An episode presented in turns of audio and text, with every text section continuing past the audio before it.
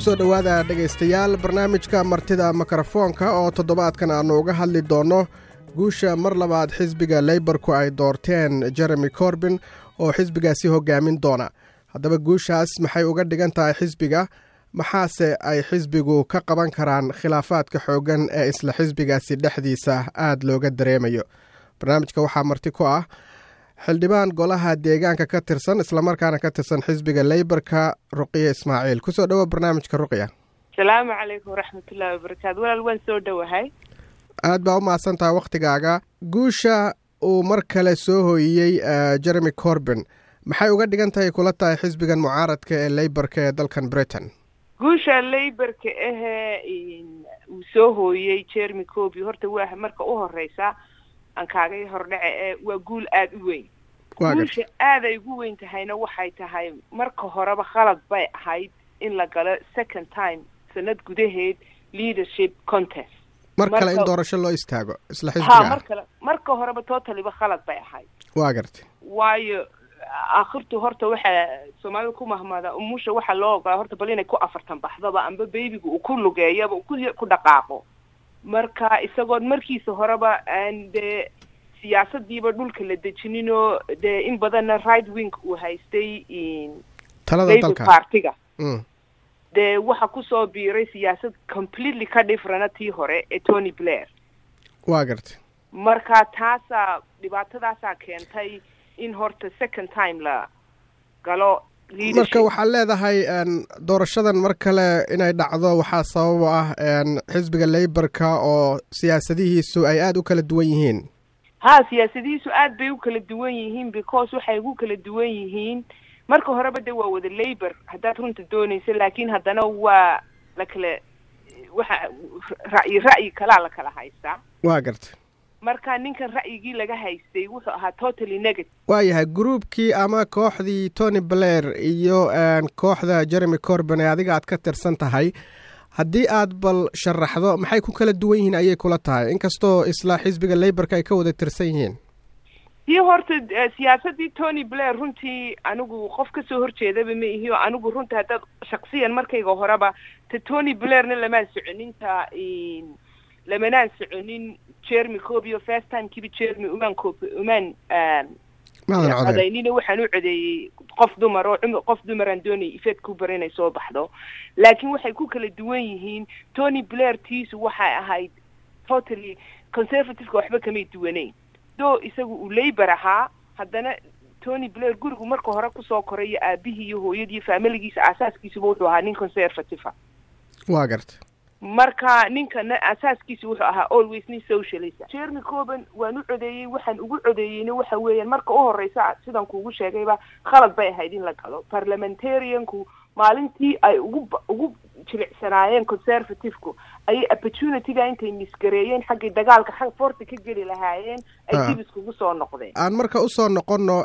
n corbin markii labaad ayaa la doortay xisbiga leybarka weli eh, kala qaybsanaantiisa way taagan tahay. Ha ma isleedahay wuu midayn karaa xisbiga? Horta marka u horeysa ha wuu midayn karaa. Waxayna ku xidhan tahay runtii parliamentarianka. Ah, uu- doorkana way ka fiican tahay doorkii hore. Waxayna uga fiicnaanaysaa. Haddii for example la siin lahaa to jeremy coby saddex sannadood inuu xisbiga hayo saddex sannadood kabacdi la yidhaah leadership baa lagula gelayaa. Mm. waxay way ku najixi lahaayeen qolada kale laakiin maanta taas way ka way ka dhalaashay. Kuma najixi karaan. Leadership dambe horta la gelayaana totally maba jiro twenty twenty wax ka horreeya waa sax laakiin xildhibaanada ugu tunka weyn xisbiga leybarka way ka soo horjeedaan siyaasadda corbin soo maaha? Way qaar badan baa ka soo horjeeda laakiin maanta waxay su'aashu taalaa ma jeremy bay taalaa mise conservative bay taalaa ma xisbigu waxa weeyaan mar waa xisbi baa la yahay oo xisbiga danta xisbiga waa in la wadaa. Marna dadkii ku codeeyey mandate-ka ku siiyey codka ku siiyey inaad u hadasho waa inaad u dagaalantaa. Marka ama waxaad u hadlaysaa shaksiyan dantaada shaksiyan ee gaar ahe ay marka horeba dadka xildhibaanada baarlamaanku ay dantooda ka doorteen tii guudka iyo tea partiga mise waxay tahay ta guudka in la wado. Marka anigu waxay iga dhaadhacsan inay horta ka ka fashilantay oo ta guudka imika lagu dhaqaaqi doono amba ischool ha ahaato amba hospital ha ahaato like national health service ambaba dhalinyarada jaamacadaheeda oo particularly lala aada loogala dagaalamayo dadkeena adig minority-ga ambaba ajanibka ah si ay conservative-ku aynan inaku jaamacda dhalinyaradeena u tegin. Sagaal kun aawadeed looga dhigay. Waa u soo noqonaynaa waxyaabaha uu qaban doono dhinaca waxbarashada iyo caafimaadka iyo siyaasadda cusub ee hogaamiyaha xisbiga. Laakiin haddii aan su'aal kale ku weydiiyo waxaan la soconnaa xisbigan inuu yahay xisbiga mucaaradka ugu weyn taariikh ayuu leeyahay laakiin haddana dad badani waxay isweydiinayaan inuu ku guuleysan doono doorashooyinka guud ee dalka ka dhici doona haddii la soo hormariyo iyo haddii kaleba marka raje intee leeg ayaad qabtaa in leyborku uu mar kale ku guuleysan doono doorashooyinka guud ee dalkan? Aniga way iga dhaadhacsantay inuu ku guuleysan doono doorashooyinka soo socda. Insha allah hadday hor loo soo mariyo haddii waktigeeda loo daayo haddii ilaahay nafta inagu simo waayo waxa ugu guuleysanayaa leyborku maanta waxa weeyaan dee waxa weeyaan maxaa xisbiga ugu movementkiisu ugu ballaadhan yahay western europe oo dhan marka loo eegay macaaridka ah marka sidaa aawadeed dad badan baa maanta u soo joogsaday wuxuu too wuxuu jeremy coby u taagan yahay. Jeremy coby wuxuu u taagan yahay inuu xisbiga unite gareeyo inuu equality ka sameeyo oo dadka simo waayahay waxyaabaha uu ku doodayo jeremy corbin waxaa ka mid ah in dadku ay siman yihiin oo dhinaca shaqada iyo nolosha guud ahaan uu ka dhigi doono mid qof kasta oo iska dhex arki karo. Xisbiga conservative-ka waxaa lagu xantaa in siyaasadda iyo inta badan jagooyinka waaweyn dad ay iyagu yaqaanaan oo keliya ay u dhiibtaan. Marka arrintaas haddii uu ka dhabeeyo jeremy corbin ma isleedahay taageero shacbi ayuu heli karaa? Ha wuu heli karaa taageero shacbiya waana insha allah ka dhamayn karaa haddii ilaahay nafta aynagu siman laakiin qolooyinkii ka soo horjeeday iyaga laftoodu kamay duwaneyn siyaasadaha qaarkood ay conservative-ka ku dhaqmaan ee qofkay doonayaan ay garab siinayaan un ay kursi siiyaan waa mid cadoo lagu ogiyay waana wuxuu jeremy ka soo hortaagan yahay equal opportunity inuu qof waliba dadku sinaadaan inuu qof walbo dhibaato maanta ku qaba u k guba uu dhibaatadaa laga dabar jaro ayuu u taagan yahay waana mid uu ku najixi doono waayo bini aadamka mujtamacu waxay arkaan markay arkaan ina fairness la siinayo qofkaasay u codeeyaan. Markii tony blair loo codeeyey mandate weyn weliba la siiyey ninety sevenkii de waxaa laga daalay siyaasadii conservative-ka. Tiibaa haddana maanta ay madaxa kula jirnaa. Marka kolleyba waa laga soo horjeedaa waana qof socialisa waa qof danta guud ka fekeray aan dantiisaba ka fekerin waad aragtay dharku xidhi iyo siduu u dhaqmo. Meel haddaad imikadaa anywhere aad ku aragto wuxuu ku kuuma arkayo qof dhifrana tuhen waxa weya dadku ka dadku la siman yahay marka aniga waxaa iga dhaadhacsan anigoo aniguba counselora dadka haddaad la simantoonad iska door bidin dadkii way ku soo istaagayaan.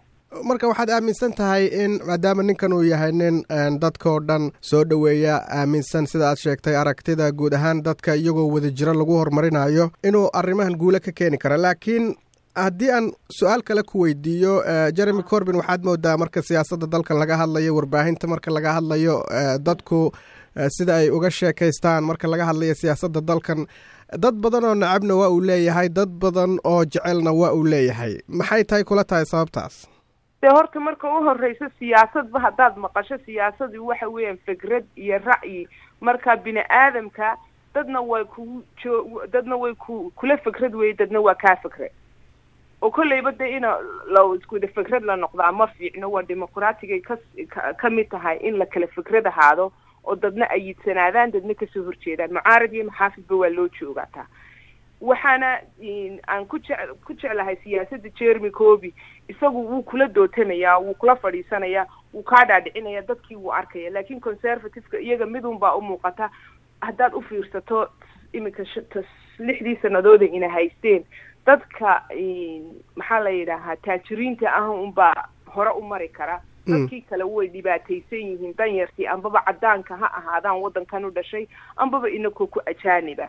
Waa dhibaato xoog u weynu doonaya inuu wax ka qabtoon. Aniga iyo many other people le insha allah waayahay aan marka u soo noqono dadka inta badan la yidhaahdo waa laga tira badan yahay ama dadka muslimiinta ah ama dadka qaxootiga ama dadka soomaalida oo kale waxaad moodaa inay inta badan xisbiga leyborka taageeraan. Maxay tahay sababta ayay kula tahay? Maxaa muxuuse soo kordhin karaa haddii corbin uu guulaysto siyaasadaha marka laga hadlayo waxbarashada caafimaadka iyo guud ahaan adeegyada bulshada? Horta marka u horeysa tacliintan aada ugu noqonayaa tacliinta wuxuu ka soo kordhin karaa horta iminka policy and mandatekiyo manifestogii conservativeka ku jirin bayba theresa may la soo baxday oo waan u malaynaya inaad maqashee grammar schoola. Kaasi waxa weeyaan number one midab kala saar iyo kala sooc dadka bini aadamka ahee ku nool dee u k ga marka dadka taagta daran buu u daran yahay had leedahay ama dhaqaalahooda hooseeyo dhaqaalahooda uu hoos u hooseeyo waxa weeyaan un serfan weligood ha ku noolaadaan. Equal opportunity looma baahno xaggooda. Sidan anugu u arko. Bad dad badan oo laborkina ay u arkaan because grammar school waxa tegi kara uun dad dee maasha allah ilaahay dee xoogaa siiyey oo ladan. Wa garta. Hadday noqoto jaamacaddana waad aragto jermy coby policygiisu waxa weeyaan inay free education u noqoto everyone in the u k. Taasi waa mid. National health serviceka waxay doonayaan conservativeku inay pri privatize ka dhigaan oo dee gaar loo yeesho. Taana wuu ka soo horjeedaa because waxaasi waa waxa laborka aasaaskiisaaba national health serviceka horteed nolol may helin maaragtay dadka waddanka ku nooli marka waxa qura way ku wardiyaan waddankan waa inakuna dee free bubay qof walba u yahaa marka ka feker bal taasoo hadduu qof kugu xanuunsado ada lagu yidhaaha intaasoo kunoo adoo bixiyo mooyaane ma dhakhtarka laguma geynayo amba sida maraykan ka dhacdaba waad og tahay qof aan national insurance haysanin dee dhibaatadiisa waad fahmaysaa. Wa garta. Talabaad dhibaatada kale ee jermy coby aada ula deristaa waxa weeyaan waxa la yidhaaho right wing media.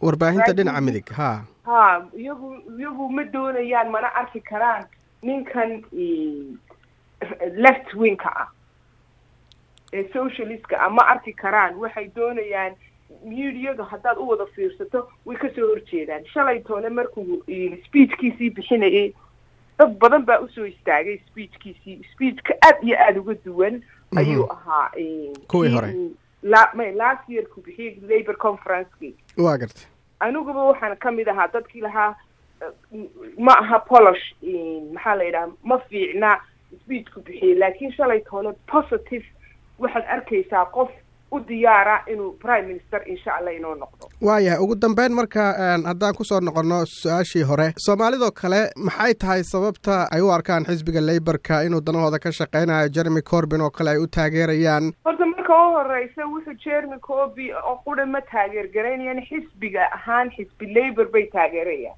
Waayo xisbi markan fesk waddanka nimi haddaad u fiirsato xisbigii runtii inoo ogolaaday sharciga sida fudud laborku ahaa wa garta garashadayda markaad u fiirsatana london badankeeda waxa ku badnaa laborka aada ugu badan. Si wanaagsan. Halka layska aqbalayay layska dhiibayayna london bay ahay. Sa. Laborkuna aada buu ula tacaalay soomaalida. Talabaad marka taa ka gudubta jeremy laftiisa way yar tahay intaanu soomaali waddankan ka caawinin. Soomaaliba maaha ee haddaad runta u fiirsato ajanibka iminka inan m b beri dhexdaasa isku sharaxdoon saaxiib ahayn.